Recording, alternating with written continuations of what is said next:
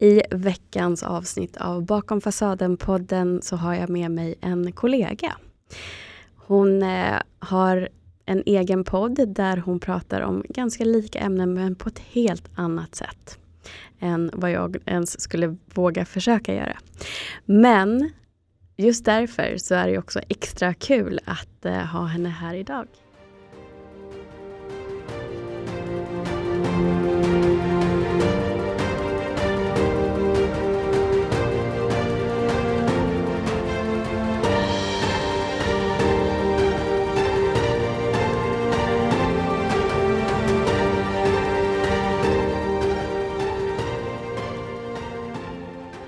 Varmt välkommen Mia. Tack så mycket. En ära att få vara här. Tack så mycket. Och eh, den podden jag pratar om är ju Epilogen Podcast som du driver och skapar får man verkligen säga i den sanna meningen. Ja, jag skriver ju manus till det. Jag sitter inte och pratar så här. Jag skriver, jag är ju röstskådespelare ibland i teaterscener så då måste jag regissör också och så poddproducent och klippare. Ja, och sen är det ju musikval och ljudeffekter så det måste jag också leta upp. Så det är ett litet meck men det är kul, det är kreativt. När, när jag lyssnar på din podd så är det för mig en helt annan upplevelse. Det blir ju verkligen som att du skapar de här eh, rösterna så att man hör att det är olika personer.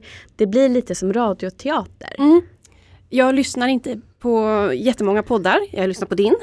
men, men jag är väldigt influerad av film eh, och tv-serier, det, det, det, är min stora passion i livet.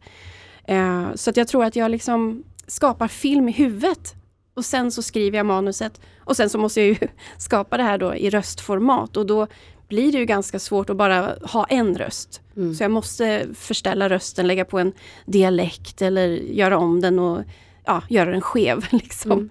För att man ska förstå vem som är vem. Det blir mycket roligare för oss lyssnare också kan jag ju säga. Det, ja, jag, eftersom det blir lättare att särskilja de olika personerna och också skapa den här lilla eh, bilden eller filmen i huvudet mm. som är så uppskattat i alla fall av mig som gärna vill ha det när jag läser en bok eller lyssnar på en bok. Att jag själv skapar filmen i mitt mm.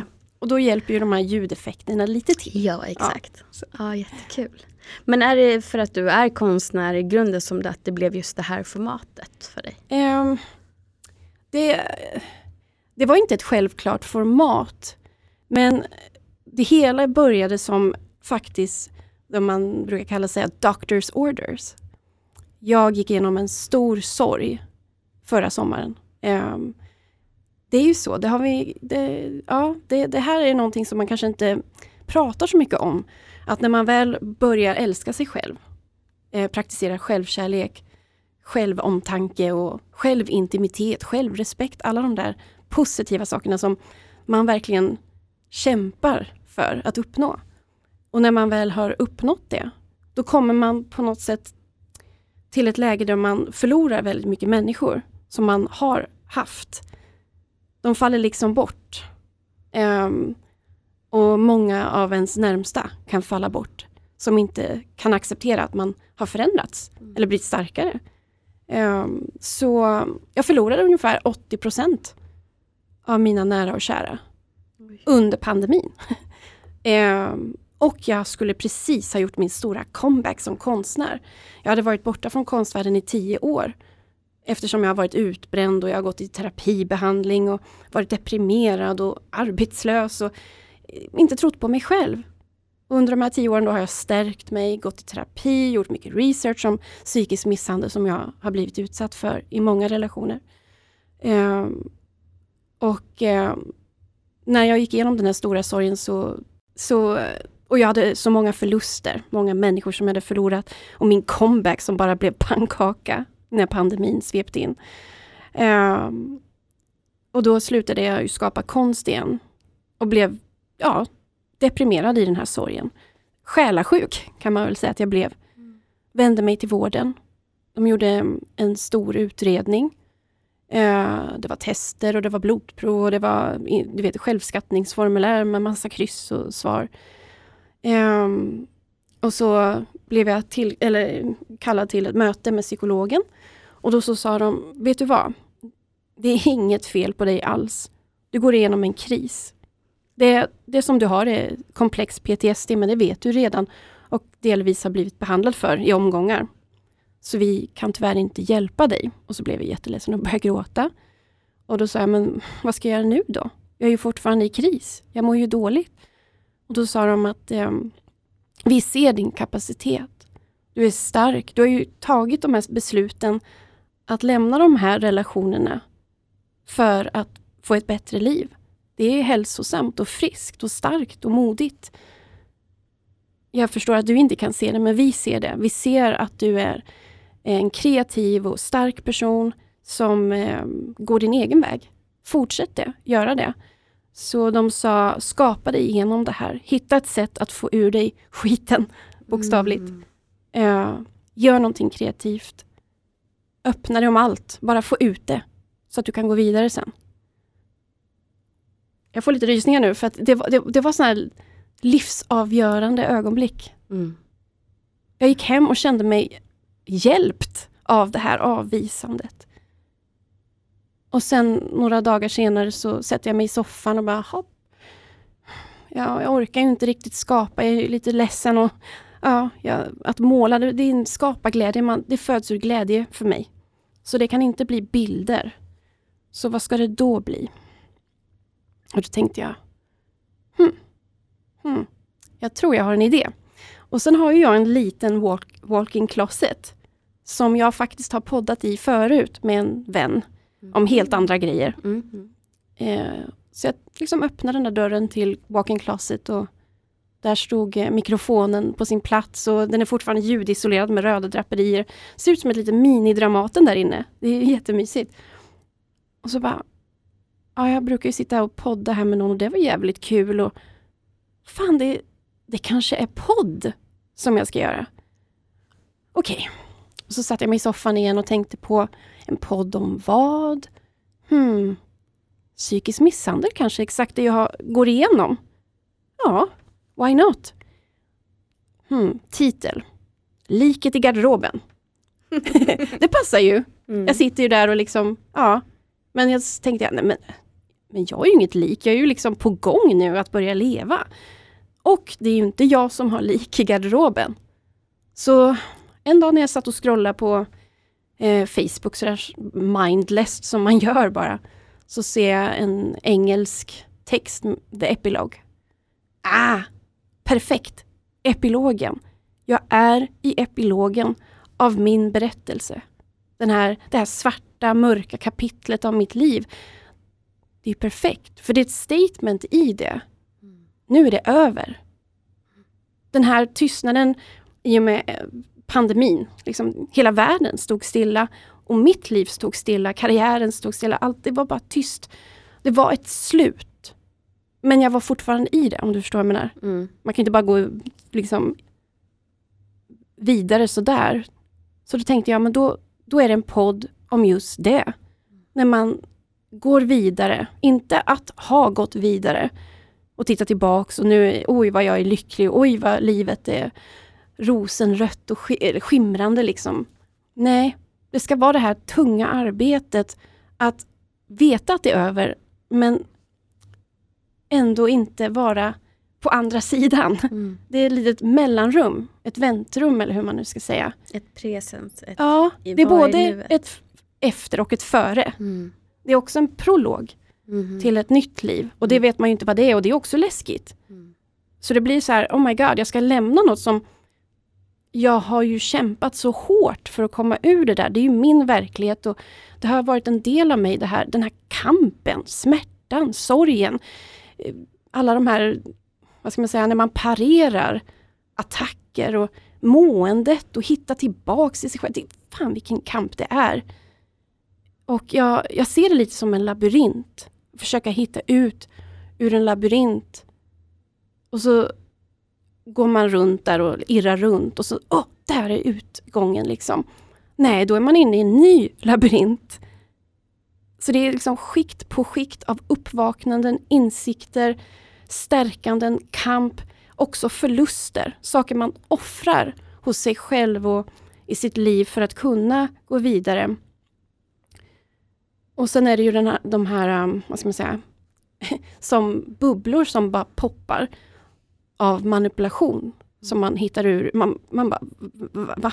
Till exempel när jag gick till den här psykologen, eller de här som utredde mig, eh, så förstår jag ju nu att jaha, jag har ju blivit så gaslightad så att när jag mår dåligt på grund av någon annans dåliga beteende eller misshandel eller eh, att jag liksom sörjer någonting, jag är i en kris, då är jag psykiskt sjuk har jag fått höra.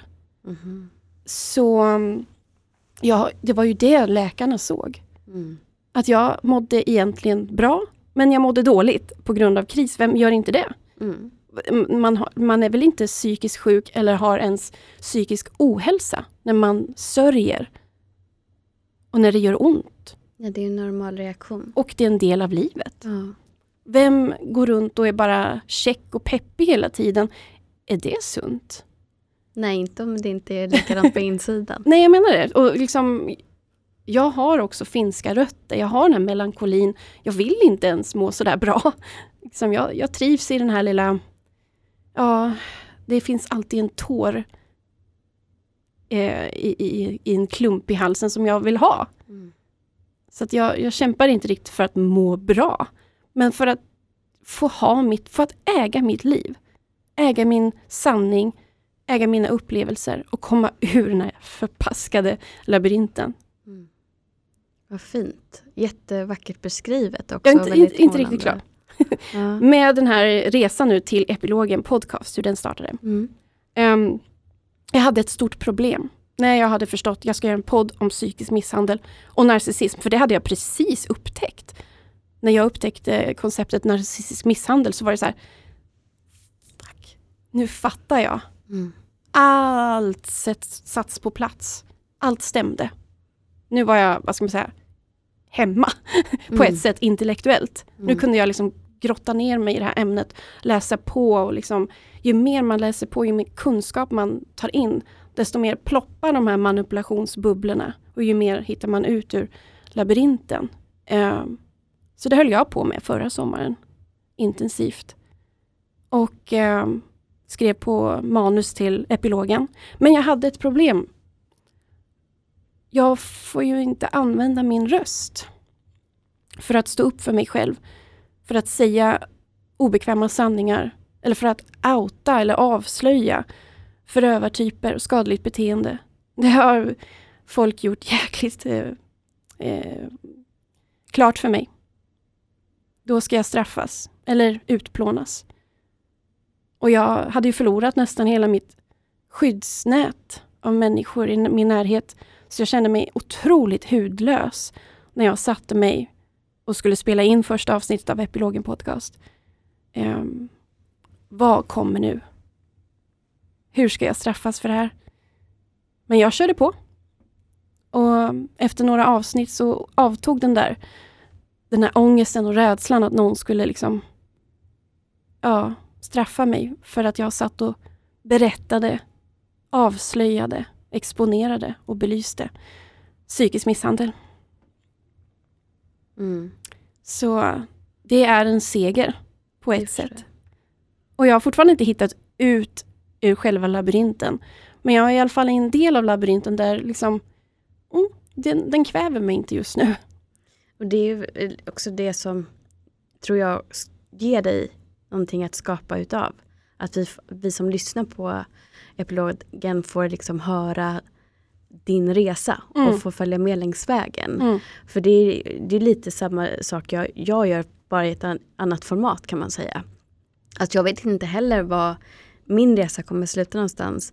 Men där jag är idag kan jag se på det med nyfikenhet och tycka att det är spännande att jag inte vet. Medan när jag var otrygg och jag var ja, destruktiv och i destruktiva relationer så skapade den här ovissheten enbart otrygghet hos Mm. mig. Medan ju mer trygghet jag har lyckats bygga upp för att jag har jobbat med mig själv och fått hjälp så har det liksom skiftat. Och för mig så har jag också kunnat embracea den här äh, som jag också känner igen att du pratar om det här med att man känner mycket och måste få hitta sin egen röst på det sättet. Sin egen väg utan att vara rädd för att bli dömd. Och jag upplever att där jag är idag, när man väl hittar ut, i alla fall ur den första labyrinten, att det blir något som, som ett kvitto på att jag får vara jag. Jag får faktiskt det den här gången. Det är ingen som, som eh, ja, som, jag känner igen det där med att man väntar på att få någon som ska trycka tillbaka mm. någonstans. Och det händer ju också. Det är bara att nu att jag inte suger åt med det. Nej precis. Och så jag tror att det är liksom Det är en process när vi också får lära om. Mm. Och får känna efter. Okej okay, nu försöker jag, nu provar jag det här. Är det här tryggt? Jag vet inte men jag försöker ändå. Och sen efter alla gånger som vi märker, eller snarare vårt nervsystem märker att det här var tryggt. Jag kunde såklart, jag kunde stå fast i min sanning fast det här skedde. Eller ingenting skedde.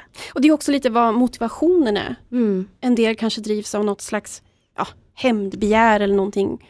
Um, och då ska man visa, bevisa sig. Men för mig är det, då är man fortfarande kvar i den där, hur ska man säga, uh, dödsdansen. Då har man ju fortfarande någon annan som påverkar. Mm. Om man gör det för att man vill göra det för sig själv. För att det är så, för mig, det är jätteviktigt för mig att jag får vara bara jag. Att jag får vara Helena och känna mig eh, accepterad och tillåten av mig själv och de jag väljer att ha runt omkring mig. Det är det viktigaste för mig. Att jag kan få uttrycka mig autentiskt utan att vara rädd att folk ska trycka ner min röst igen. Jag känner igen det så mycket det du säger, just det där att inte vara van att få ha sin röst och bli hörd. Så att det, det, men skulle jag göra det för att jag vill hämnas på en viss person eller flera andra personer, då är jag ju fortfarande i deras makt. Ja, då, då har, då allting är re relaterat till det. På vilken, vilken skala? Är det liksom en skala jag har lyckats eller nu, nu misslyckades jag och då blir de glada ungefär. Mm. Man, man ska inte förhålla sig till till dem som har skadat en. Det är så onödigt för det är ju det man, man gör ju det själv. Mm. Precis um, som att det såklart är en process att ta sig mm. ifrån det. För det, det är en del en av labyrinten helt enkelt. Att mm. också hitta ut ur det. Så min motivation, eller det jag har, vad ska man säga, två motivationer kan man säga.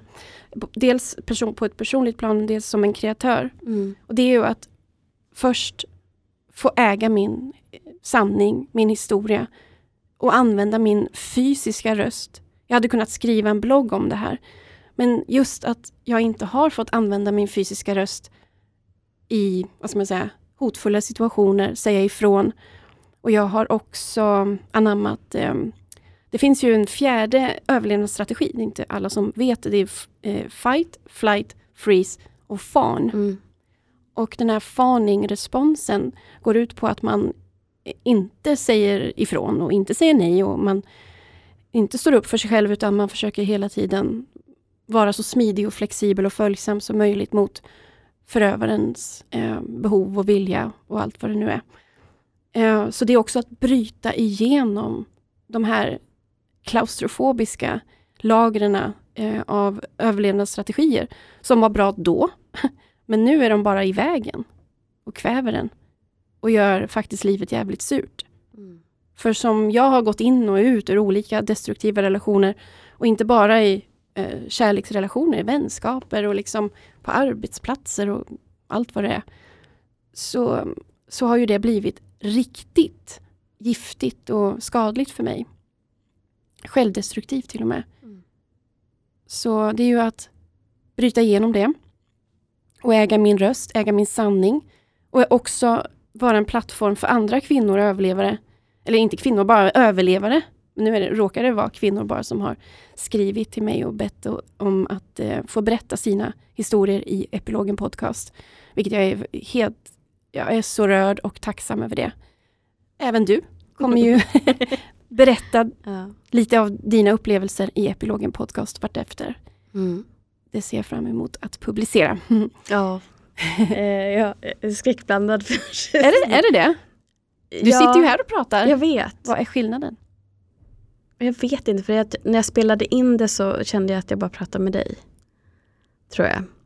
Och sen precis som många av mina gäster har, har sagt att de känner att eh, de tänker inte på när de väl spelar in att, oj, det kan vara flera tusen som lyssnar på det här sen. Och jag, jag vet ju det rent intellektuellt, men för mig var det viktigt att, att inte låtsas om det för en stund. Utan bara spela in rakt från hjärtat för att få med det här autentiska. Men det är ju också sårbart att göra det. Så det var eh, en liten utmaning i att våga visa mig sårbar. Eh, och sen så är det också en liten del av mig som ville såklart att du ska vara nöjd som skapar. Det är din podd. Jag ger er eh, all frihet. Jag, jag, jag har fått in allting från väldigt kreativa manus eh, och sen att de spelar in det till att man bara sitter och berättar rakt upp och ner liksom, på sin mobil, liksom, röstappen. Mm. Så det, det är jätteolika. Eh, så, men jag är ju kreatör och eh, jag tror att det också vad ska man säga, inspirerar till att skriva och kanske till och med spela in lite teater. Eller liksom, mm. ja, man får vara hur kreativ man vill i Epilogen Podcast, eller hur lite man vill. Det är helt upp till den som berättar. Men jag har just valt monologpodsformat mm. för att det blir faktiskt mer intimt. Och just för att man ska få prata till punkt. Nu får jag ju prata till punkt här också. Men att man ska liksom känna, nu ägde jag det här. Mm. Och att man är i kontroll över sin historia. Det tycker jag är jätteviktigt. Ja, och det är väl så att det som du och jag har uttryckt är extremt vanligt att man inte känner att man har fått använda sin röst. När man har varit i, ja, oavsett vilken relation det är, men har varit i en relation där man har egentligen fått lära sig om och om igen att det du säger är inte betydelsefullt för mig.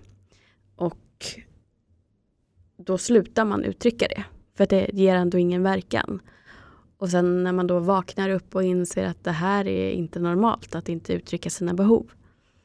Eller att eh, uttrycka att det här är inte okej okay, eller sätt, och sätta gränser och sådana saker som man måste lära om. Eh, då blir det så otroligt viktigt och också viktigt att känna igen sig i andras berättelser. Mm. Ja, jag tror också att har man inte upplevt det mm. så tror jag att man kan uppleva det utifrån då som oh, gud, vad de sitter och ältar om det där, oh, kan de inte bara gå vidare? Eller men nu, nu har de fastnat och det är liksom bara om den här personen, de är besatta, de är maniska. Eller att man är ute efter hämnd och liksom ska outa någon. Och det är ju så att kommer det in material till Epilogen Podcast där någon är arg och bara nu ska jag säga min sanning. Då tar jag inte med det för det är inte det som är meningen med podden. Mm. Ja, den är helt fri från hämnd och negativa energier på det sättet. Utan det negativa blir positivt. Det vänds liksom. Mm. Um, som gödsel. Yeah. det, blir, det växer något vackert ur det där. Liksom. Eh, jag skulle också avsluta det där om med podden. Eh, det är också viktigt för mig som kreatör att få äga min talang, mitt intellekt och mina konstnärliga, konstnärliga eh, drömmar, för de har också krossats och tryckts tillbaks. Nej, nej, nej, du får inte skriva. Nej, nej, nej, du får inte vara bra eller smart eller liksom säga viktiga saker. Du ska verka dum och, så att jag verkar smart istället. Typ så. Mm. Så att det, är på, det är liksom på många plan som jag bryter igenom. Jag sitter i min garderob och bara liksom för mig gör det viktigaste jag har gjort någonsin. Konstnärligt och personligt. Mm. Och just det gensvaret som du då får. Um, känner du att det stärker ditt syfte? Absolut, och jag tror eftersom jag är så, jag har ju blivit så ensam nu, mm. eh, så ger det väldigt mycket socialt. Jag knyter hela tiden nya kontakter, får nya vänskaper eh, och är social. Visst, jag sitter i min garderob men jag, jag har liksom fina relationer och förtroende. Det är ju ett förtroende jag får från dig och andra som har valt att berätta sina svåraste livsögonblick i Epilogen Podcast. Um, och det är jag väldigt tacksam och rörd över. Det är ingen självklart, jag tar inte det för självklart. För det är deras egna röster. Mm. Um, men det är såklart, det, det finns ett ansvar i det också. För mig som poddproducent. Eh, att se till att liksom ingen råkar lagligt illa ut. Så att man får ju vara försiktig. Det, efter metoo så har det ju blivit en backlash i att ja, berätta. Även om jag tror att det alltid har varit okej okay att berätta. Mm. Men det har ju blivit lite, lite fult eller lite, kan man säga, bitchigt. Jag vet inte, förstår du hur jag tänker? Mm. Ja, men det, det är väl själva uttrycket som egentligen spelar roll där, vilket sätt man använder. Budskapet kan ju vara detsamma men att man använder olika typer av uttryck. Eh, och med uttryck menar jag inte ett ordagrant uttryck utan hur man väljer att prata om det helt enkelt. Och en historia som är saklig och visar på hur det har fått mig att känna eh, tror jag skapar stor nytta men också ett öppnare förhållningssätt från de som lyssnar. Att om jag bara berättar hur någonting har fått mig att känna, agera, eh, leva så tror jag att folk är mer mottagliga till att ta till sig den historien än om jag sitter och säger att den här den här personen har gjort så här och så här mot mig. Mm. För det kan jag ju känna liksom dagligdags om man till exempel skulle jobba på en arbetsplats där två personer är osams över en trivial sak och väljer att komma till mig då som ett exempel, säga att Per och Anna är jätteosams för ett kaffe, hur man gör kaffe. Och så kommer båda och säger, vet du, Per gjorde så här. Han är dum i huvudet. Visst tycker du att det är bättre om jag gör så här? Medan om Per då skulle komma till mig och säga, jag tycker att det är gott när kaffet tillagas på det här sättet. Då känner jag mig glad och nöjd och kan börja min morgon på ett behagligt sätt. Hur känner du med ditt kaffe? Då är jag mer benägen att lyssna på den senare. Mm. Mm. Så är det ju. Mm. Så jag tror att det är det som är viktigt när vi väljer också att försöka, försöka skapa större kunnighet och mer kunskap rent generellt om sådana här saker. Eftersom min podd handlar så mycket om psykisk misshandel, som jag kallar missbehandel, eller emotionell och psykisk misshandel ihop. För att jag ser det typ som samma sak. Jag ser det som att psykisk misshandel är formen och sen emotionell misshandel är liksom produkten eller liksom det, mm. konsekvensen av det. Mm. Och därför kallar jag det för missbehandel. Mm. För att när man säger så här, psykisk misshandel, emotionell misshandel, det är så abstrakt. Folk vet liksom inte vad som ingår i det. Men om man säger missbehandel, ja ah, man blir behandlad illa, okej, okay, mm. då kanske man fattar lite mer. Um, och det är så abstrakt och det är så luddigt och svårt att, och komplext mm. och svårt att sätta ord på. Så jag tror att det enda sättet att verkligen fatta grejen, eller man ska säga, det är att visa känslorna, tankegångarna, eller tankevurporna till och med. Eh, vardagsproblem. Eh, hur man liksom, ja det blir en, en nedbrytningsprocess. Och sen på något sätt en livsdöd, kan man ju säga. Och sen den här processen av återuppståndelsen då. Mm. Mm. Så um, det, det, det, är så många processer. Och man kämpar och kämpar och folk tror bara att men kan du inte bara gå vidare? Och det är allt det här som man håller på med. Det är ju, som, det är ju ett heltidsjobb i sig. Det är inte så konstigt om de här som har blivit utsatta blir utbrända, ut, får utmattningssymptom och allt vad det är. Och självskadebeteende, ätstörningar och går in och ut i nya liknande relationer eftersom det känns så bekant. Mm. Och Det tänker jag på i din berättelse. Att du går liksom mm. från, inte till den ena till den andra, men det, det blir en kedjereaktion. Ja, eh, för mig så var det ju så att när jag lämnade den första narcissisten, eh, då var jag 25 år. Eh, hade inte någon som helst kunskap om mönster, anknytning, eh, olika beroenden och olika sätt. Och jag visste att han hade varit elak, det förstod jag eftersom en glad tjej i grunden blir inte benägen att vilja dö. Nej, det är den här eh, livsstörningen. Precis, av ingenting. Liksom. Och jag kände ju igen jag kände ju inte igen mig själv. Jag hade ju blivit en person som eh, levde i de skyddsmekanismer jag hade utvecklat för att försöka bli så lite skadad som möjligt. Eh, men även om jag då, eh, tack pappa som bekostade det för jag var student, eh, gick i terapi så vet jag inte om det var rätt typ av terapin.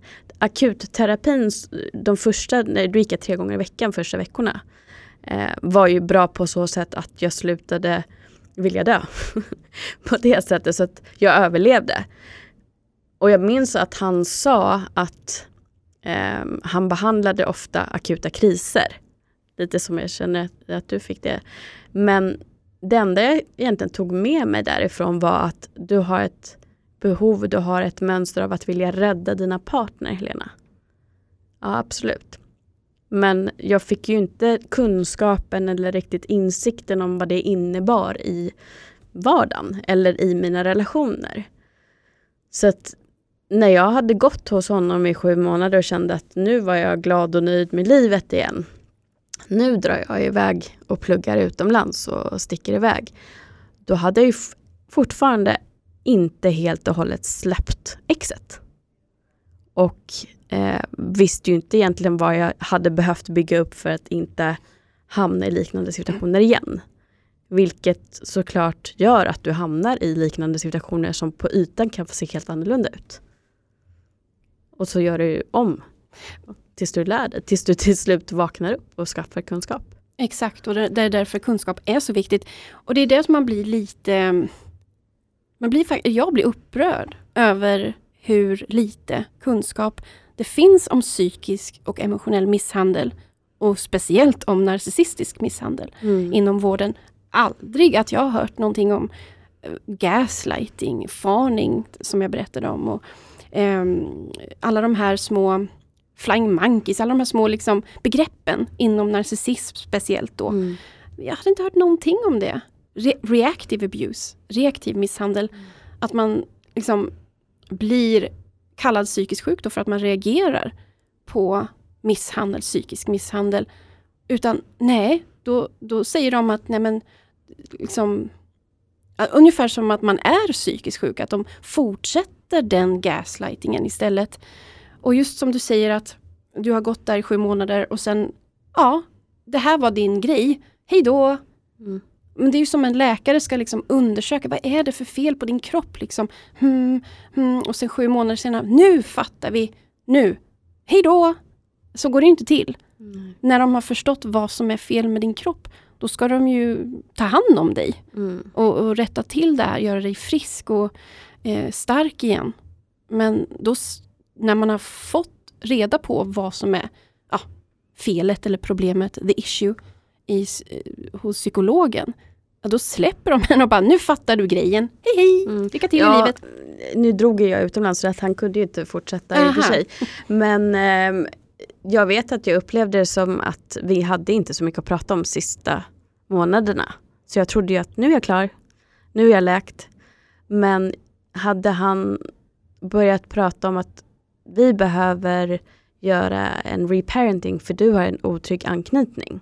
Då hade ju jag gått ut där och känt mig medveten också om vad jag behövde läka och göra mycket av jobbet själv. Vi hade kunnat utnyttja de här sju, månaden, sju månaderna på ett helt annat sätt. Ja, det är ju att hitta ut ur den här labyrinten. Ja. Han hade kunnat gå med dig i labyrinten för att hitta ut. Ja, jag vet inte ens riktigt vad vi pratar om. Det, det han lyckades med, som kanske var målet där och då, var att få mig att vilja leva igen och hitta tillbaka till mycket av vem Helena är.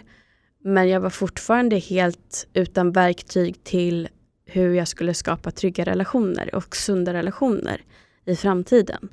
Och jag kan tänka att om jag nu som visserligen väldigt påläst men faktiskt inte har någon utbildning inom psykologi mer än enstaka kurser kan sitta och prata med en person och förstå vad de behöver göra. Hur kan han inte? Mm. Och det är de här, de här nycklarna man måste ha. Förståelsen för hur psykisk misshandel eh, vad effekterna blir, hur det fungerar, cykler och mönster. Mm. Det är som en så här broderikurs, man måste kunna de här stygnen ja. liksom för att kunna se helheten. För det, det här mönstret, kan man se igenom mönstret av psykisk misshandel, narcissism och eh, eh, trauma, skulle jag också säga. Då, då tror jag att man, eh, man ser helheten och kan hitta ut ur helhetsbilden.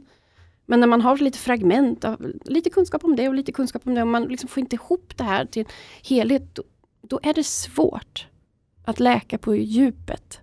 Mm. Då kanske man kan läka någonting och sen så, ja nu, nu är jag klar, nu kör vi. Och sen så brakar allt loss och kraschar igen och, och igen och sådär för att man har inte sett helheten, hur allt hänger ihop. Och det är ju så att den här helhetsbilden ofta är väldigt smärtsam. Mm. Så man kanske också lite saboterar för sig själv. Absolut. Det är ju läskigt Mm. att fejsa det som faktiskt egentligen har skapat den man har blivit. Sen att man har hamnat i situationer som har haft sönder en ytterligare. Eh, det är ju tyvärr jättevanligt. Men också, jag tror att nyckeln för de flesta att kunna läka eh, så pass mycket som man kan göra. Sen är ju ut, personlig utveckling någonting såklart som pågår hela livet. Men att kunna läka trauma och sådana relationer som du och jag har haft där. Du måste börja med dig själv. Du måste släppa fokus på världen utanför dig själv. Andra personer och andra situationer. Och gå tillbaka till vad är det i mig som har gjort att jag har känt att det här är bekant och tryggt. Som är så giftigt. Mm. Så att man kan börja där och bygga upp ja, den otryggheten till en trygghet helt enkelt. Att man omvandlar det. På så sätt så kan man i alla fall lära sig att känna igen och tyda de signalerna som har funnits, de här röda flaggorna, när man hamnar i sådana situationer igen. För vi kan inte gå igenom ett helt liv och tro att vi inte kommer stöta på narcissister, psykopater och osunda människor. Det gör man. Annars får man isolera sig totalt. Och det, det går inte. Nej. Och vem som helst kan ju hamna i en sån relation. Mm. Det är inte bara otrygga personer som har destruktiva relationer i bagaget utan du kan se en trygg person som bryts ner successivt tills att de blir otrygga. Visst är det så. Och det är ju det också att när man då kanske har kläm på en viss personlighetstyp så dyker en annan skadlig personlighetstyp Mm. upp.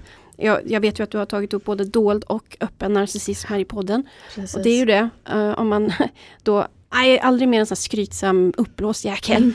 Och så, tar man, och så får man liksom, blir man attraherad av någon som är så åh gud, han, han är så känslig och liksom, han har haft det så tufft. Och jag känner så att vi, vi connectar, för jag har ju haft det tufft också. Så, åh, vad vi förstår varandra och sen dras man in i något, liksom, någon ja, träskmark Mm, och hittar inte så. upp.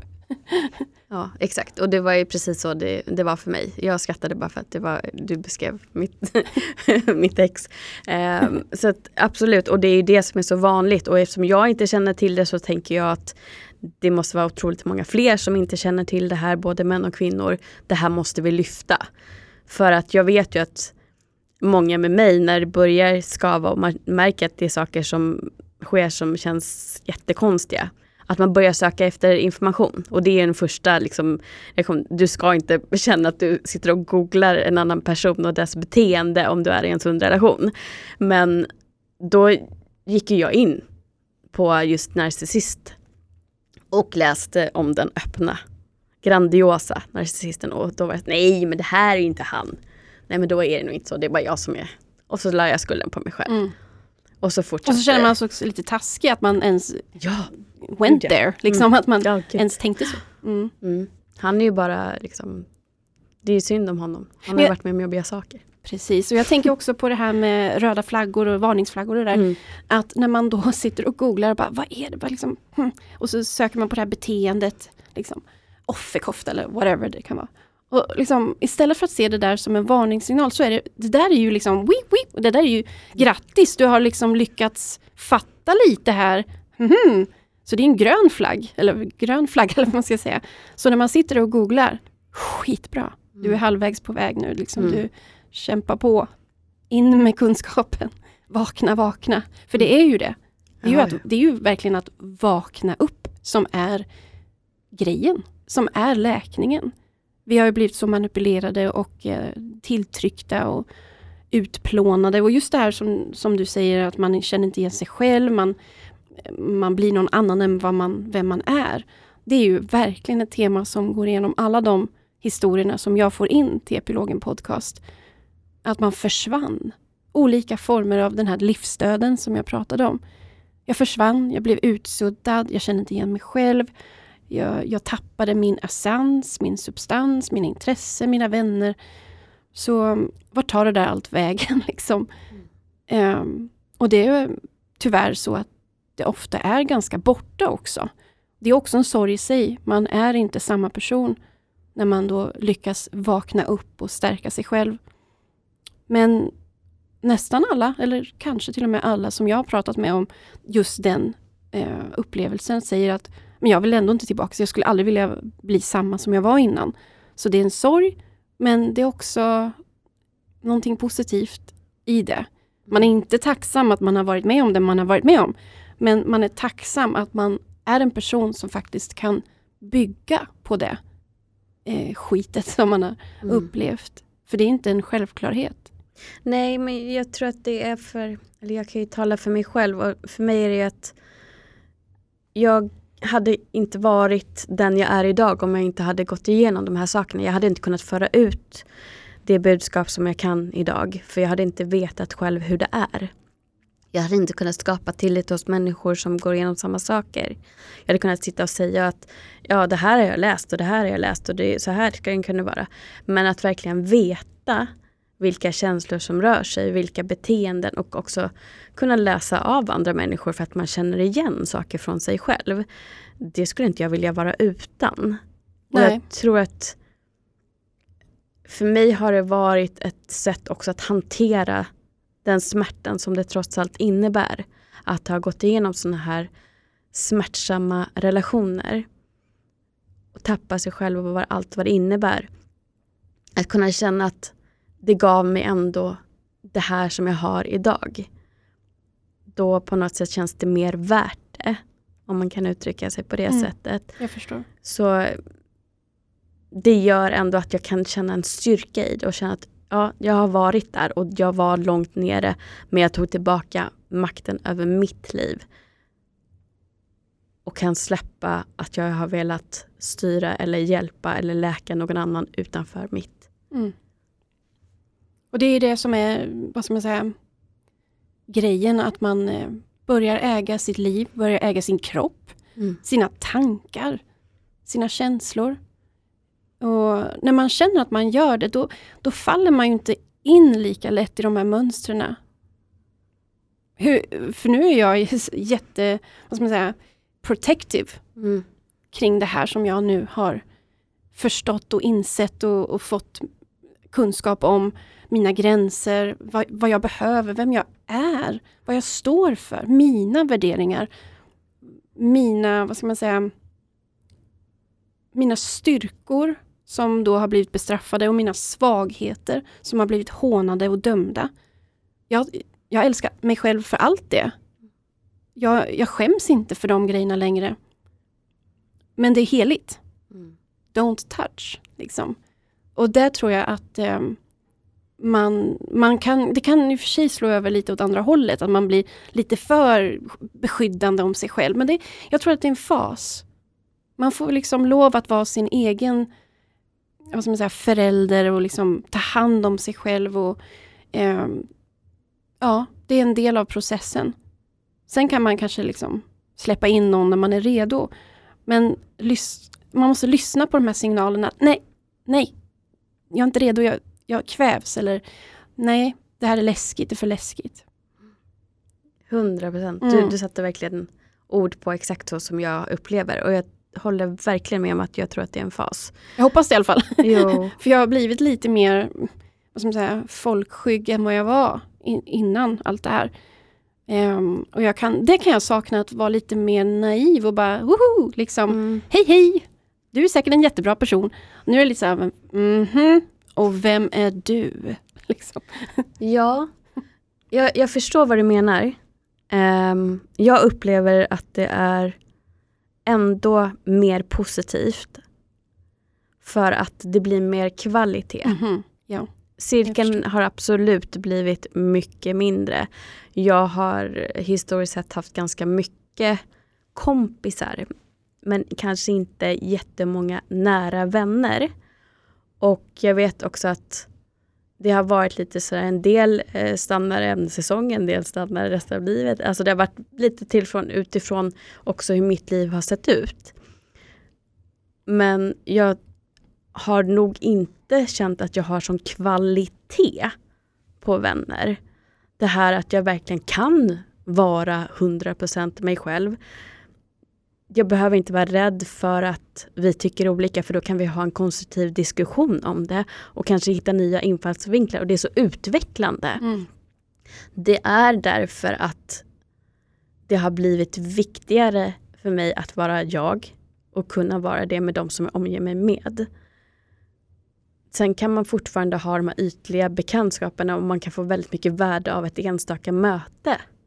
Som man verkligen tar med sig. Men de som verkligen får komma in, de går ju såklart genom en, en svårare prövning.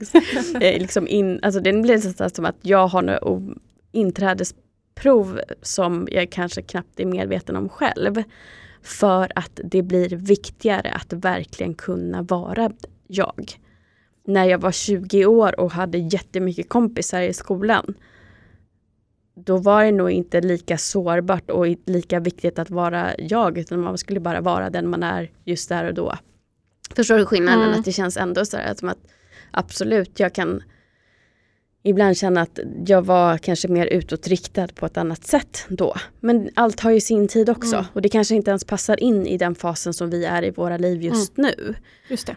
Och det jag ville säga, just det här med kvaliteten tycker jag ändå är så, det är så otroligt mycket mer givande, det upplever jag i alla fall. Att kanske ha två, tre stycken riktigt nära som man är så här super, super trygg med. Och de vet allt som man har varit med om och de har för de flesta liknande mm. situationer i sitt bagage. Och jag tänker att just den här förståelsen är så ja. otroligt viktig. Att inte eh, vad ska man säga, bli dömd. Ja, men, Ska du prata om det där nu igen? Oh my god, gå vidare. Det där är inte friskt. Snap out of it. Mm. Um, för då, ja men det, alltså när man har gått igenom, för det är ju trauma. Mm. Eller flera trauman skulle ja, jag säga. Ja, absolut. Um, som dessutom inte riktigt går att ta på. Mm. Det är inte så att man har varit med om en bilkrasch, eller ja det kanske man också har, men liksom det är en annan subtilare form av eh, trauma. Så man förstår ju inte ens. Och man greppar och man bara, men, men va? Och jag var inne på den här, varför, varför, var, varför gjorde han så? Varför sa han så? Varför, varför, varför, varför hatas jag så mycket? Var, var? Jag var liksom som de här rumpnissarna i Ronja. Varför då, då? Varför gör de så här? Varför då? Men jag fick en sån otrolig klarsyn förra sommaren eh, i och med det här sorgarbetet. Och då var det så här, det är ju inte ens min fråga. Jag äger ju inte den frågan varför. Det måste ju den andra svara på. Och jag kan ju aldrig liksom, komma på vad den tänker och tycker och känner. Så jag släppte det där med varför. Och sen fokusera på hur istället. Mm. Hur då? Hur gör de? Vad är det liksom, hur går det här till? Och det var då som jag skapade Epilogen Podcast. Mm. Istället för varför så blev det hur. Hur, upp, hur? Ja. hur upplever du då att det är, för att jag, jag vet att det är ju mer regel än undantag att just när man vaknar upp så söker man väldigt mycket kunskap för att man vill förstå vad det är som har hänt och man vill förstå den andra personen. Um, men när blir det för mycket? Att man nästan blir besatt av att skapa sig mer kunskap, kan man inte fastna i en labyrint där också tänker jag? Nu råkar jag ha en podd om det, ja. så jag är ju lite mer eh, inte fast kan jag säga för jag tycker det är kul och, mm. och givande och spännande. Men så, så, jag vet inte riktigt när man inte har en podd var gränserna går då. Men jag tänker att jag ska göra avsnitt eh, till Epilogen Podcast så länge som jag är i epilogen själv. Så fort jag känner att jag har lämnat väntrummet inför det nya livet. Jag är i det nya livet. Då kommer inte jag vad ska man säga, kunskapsknarka eller vad man ska säga, om narcissism, psykisk misshandel och, mm. och så vidare. Nu, kom, nu, känner jag att psykisk misshandel är, liksom är min grej. Jag har hittat mitt ämne att bearbeta i text och bild och, och, och podd och sådär. Men just den här, vad ska man säga, det här behovet av att få berätta hitta och äga. Och det tror jag inte kommer finnas då. Då kommer allting ta en ny form. Mm. Jag kommer säkert grotta ner mig i någonting som jag nu inte vet vad det skulle kunna vara. Mm. Ehm, och ehm, jag tror att man känner, när man tänker så här, ja, men, eh, hur, hur vet man när det är dags att släppa? Då är det nog kanske dags att släppa. Sen är det ju så med allting när man går vidare att man måste offra. Nu har man haft ett litet community runt det här med kunskapen. Man kanske följer massa konton på Ins- Instagram och lyssnar på våra poddar och så vidare. Men jag ser det som när jag tappar följare så säger jag, ah, bra, bra jobbat. Det är kanske är någon som känner, nej men fan nu, nu vill jag inte se mer om narcissism och psykisk misshandel. Jag mår inte bra av det. Good for you. Mm. För det, det är dit vi ska. Vi ska Ja. inte vilja grotta ner oss i det här egentligen. Väldigt kloka tankar och jag... Ska du sluta podda nu? Nej, Jag men jag märker ju att jag har slutat ju just följa många eh, amerikanska psykologer som pratar om eh, narcissism för att jag känner att ja men nu vet jag, nu har jag koll på det här. Jag känner inte behovet längre av att skapa ännu mer kunskap för att jag personligen behöver förstå. Utan det jag följer nu är lite av en annan anledning därför att jag vill förstå bredden av det. Jag vill höra andras historier för att kunna hjälpa en bredare publik. Även om många av oss delar väldigt lika historier. Vi kan ha träffat eh, personer som har uttryckt sig och betett sig så lika så vi kan tro att det är samma person. Så kommer vi ändå i grund och botten ha olika bakgrunder. Och där är jag mer inne att, för att kunna möta den efterfrågan som ändå har, har uppkommit och många har hört av sig framför allt sen jag började prata om narcissism. Mhm. Ehm, så känner jag att då är det mer intressant. Men jag känner också ett behov av att skapa avstånd för att jag inte känner att jag vill hela tiden tänka på det eller prata om det. Och jag är me- mer nyfiken där jag är på min resa nu hur, hur ser det ut sen när man börjar dejta igen och Mhm. hur, eh, hur gör man i, liksom när man kommit i, i den fasen, i den fasen, hur ser det ut ehm, när man ska skapa en sund relation och sådana saker. Att jag börjar liksom spreta ut åt ett annat håll. Det lite ljusare hållet då. Lite Mm. ljusare håll. Mm. Och ehm, jag tror att det bara har att göra med vart jag är liksom rent personligen. Det har det gjort hela vägen. Man ser, känner man mig så ser man liksom, okej nu var det ett avsnitt här om det, sen kom det. Du, du följer mig liksom Okej. indirekt Spännande. vart jag är. Ehm, och också att det har gett mig en, en trygghet i att jag har um, dejtat efter. Sen valde jag att inte fortsätta träffa den här personen men det hade inte att göra med att det inte var en sund person eller att det inte en sund relation. Utan det, det det tror var jag är en väldigt helt annan grej. viktigt också just det här när man eh, dejtar eller man träffar nya människor överlag. Att, äh, nej, det här kändes inte bra och så tänker man, ah, men då är det säkert en narcissist. liksom, att man, man lätt liksom fastnar lite i det tänket också. Att även om människan kanske inte var den trevligaste så är, behöver det inte vara en narcissist som, och att du liksom ramlar ner i ditt gamla mönster igen. För det tror Nej. jag Mm. att många tänker. Det kan faktiskt vara så också bara att man inte är kompatibla. Absolut. Eh, och Dålig kemi, så- vad händer med det? var Ja, eh, och det var bara så att vi var väldigt olika när, vi kom, när det kom till saker som ändå behöver fungera för att man ska kunna leva tillsammans. Eh, men jag är jätteglad för erfarenheten. Han eh, behandlade mig väldigt bra, var jättesnäll och jag fick prova på det. Mm. Så att, och då kände jag ju också en trygghet i mig själv att jag kunde nu eh, inleda någonting sånt utifrån helt andra premisser och en annan syn på alltihopa och liksom prova på. Jag tycker att det där låter ju jättefint. Att när du säger att det fick jag prova på, då tänkte jag, för du sa att han var snäll. Mm. Liksom. Vi som har överlevt psykisk misshandel, emotionell misshandel, narcissism. Jag tror, istället för att tänka att man ska leva det goda livet, vad nu det innebär, så är det det snälla livet som man ska sträva efter. Mm. Det tror jag är jätteviktigt för oss. Att vi är snälla mot varann, att vi umgås med människor och har djup kontakt med människor som är snälla. Ja. Och vad, liksom, snällhet idag är lite av, vad ska man säga, dumsnäll tänker man kanske direkt. Ja, eller eh, vanligt är ju också att vi eh, ser det som någonting tråkigt. Mm.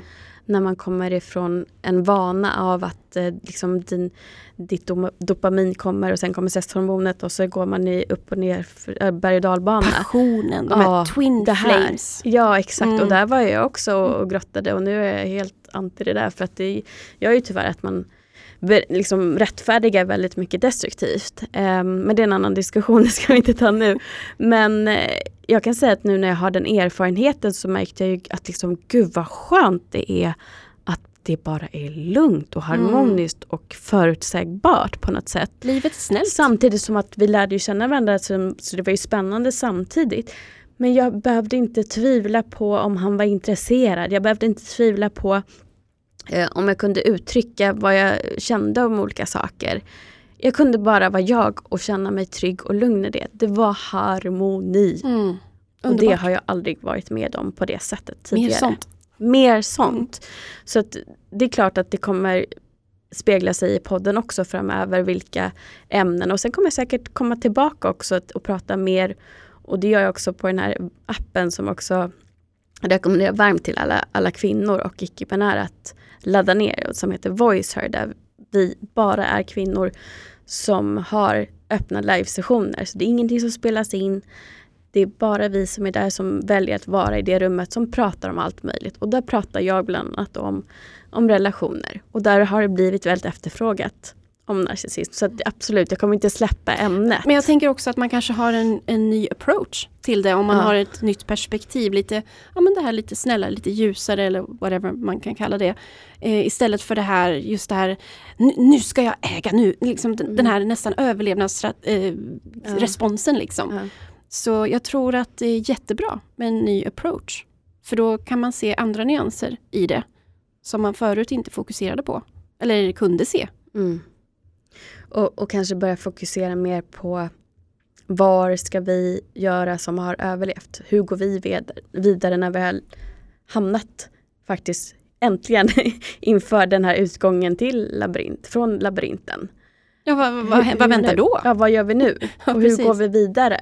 Att det även finns en epilog till det, Ja. så att säga. Men den är helt annorlunda. Mm. Ja. Och, och, eller prologen då kan man säga, Mm. till ett nytt liv, till någonting ov helt bara rent och vitt och man kan liksom välja själv vart man ska gå Mm. utifrån sina förutsättningar såklart. Ehm, och det är ju läskigt. Det är ju nästan lite mörkare kanske man tänker först. Än att eh, titta tillbaks på labyrinten och bara men mm, det där känner jag till och mm, mm, det var ju jag. Liksom. Jag, Mm. jag var ju ett offer och sen var jag en överlevare som kämpade. Mm, vem är jag nu då? Mm. Vart ska jag nu? Hjälp, nu är det bara jag. Mm. Och man har inget community för det. Mm. Det är ju liksom bara upp till dig och mig att forma det där. Och som alla andra, och det är, ju egentligen, det är ju egentligen så det ska vara. Det är som när vi tar studenten, bara, ha nu då, nu börjar livet. Och det är inget läskigt egentligen. Vi tycker det är skönt. Mm. Vi får väl se det som när vi kommer ut ur labyrinten så har vi tagit någon slags examen. Ja men Liksom. faktiskt. Ja, Mm. vad nu det är. Och det, för mig i alla fall har det inneburit en väldigt frihetskänsla. Mm. Att känna att jag gör saker baserat på vad jag vill nu och inte anpassat till någon annan människa. På det sättet som jag har levt så länge. Just det här med faning också, att man anpassar sig Mm. efter alla andra. Ehm, men rent generellt om vi ska avrunda lite, hur, hur ser du ändå på, på framtiden? Jag ser inte på framtiden. Utan jag låter, vad ska man säga, livet komma lite till mig. För jag har en plan. Jag vet exakt vad jag vill uppnå. Och vad jag vill åter, vad ska man säga, återta. Som har varit alltid mitt, men jag inte har fått använda. Som att nå min fulla potential rent konstnärligt och kreativt. Och där tänker jag istället kanske för att grotta ner mig i narcissism forever and ever. Så kanske det är att göra, ja, jag håller på att skriva på en roman. Eh, en psykologisk thriller Mm. som jag ser som en film framför mig. Kanske att jag skulle vilja regissera den. Alltså, Ja. så, så jag tänker liksom att det här då kanske leder till helt, helt nya grejer för mig. Mm. Men att det alltid kommer finnas där i en eller annan form. Och i min bildkonst såklart så kommer jag ju behandla de här ämnena också. Men då är det ju lite luddigare och lite kanske lite mer metaforer och symboler än, än rena historier och berättelser. Så därför kompletterar podden min bildvärld väldigt bra. För bilderna handlar om exakt samma sak. Det är bara att det är tolknings... Liksom, upp till dig att tolka mina bilder som du vill. Och en, Gud, kul. Ja, så att jag tänker, jag vill lägga till saker på, vad ska man säga, jag vill, jag vill utforska vad jag kan mer. Mm. Det, det, det ser jag fram emot. Och jag ser fram emot att läsa boken oh. eller se filmen. Om, eller vad om jag blir. lyckas skriva klart det någon gång. ja men det har väl egentligen inget slutdatum Nej, utan det, det, det har liksom det konstnärliga uttrycket måste få sin tid. Ja, ja den ligger och marinerar sig där. Ja. kan vi säga. ja, men jätte, jättekul. Och ser såklart fram emot de eh, kommande avsnitten också. Detsamma. Tack så mycket. Jättetack också för att du eh, valde att komma hit till Stockholm och sitta här med mig. Ja, en... Jag gillar ju gråa dagar så för mig är det en fantastisk grå dag. ja. Ja men jag gillar dem inte men du har lite upp min dag i alla fall så det Tack. blev lite solsken Och eh, såklart jättetack till dig som lyssnar och eh, delar så att vi som brinner för det här kan nå ut till fler och hjälpa fler på vägen. Ni kan som sagt kolla på er poddplattform, söka på epilogen podcast och eh, hitta Mias podd. Så ta hand om er helt enkelt tills vi hörs igen.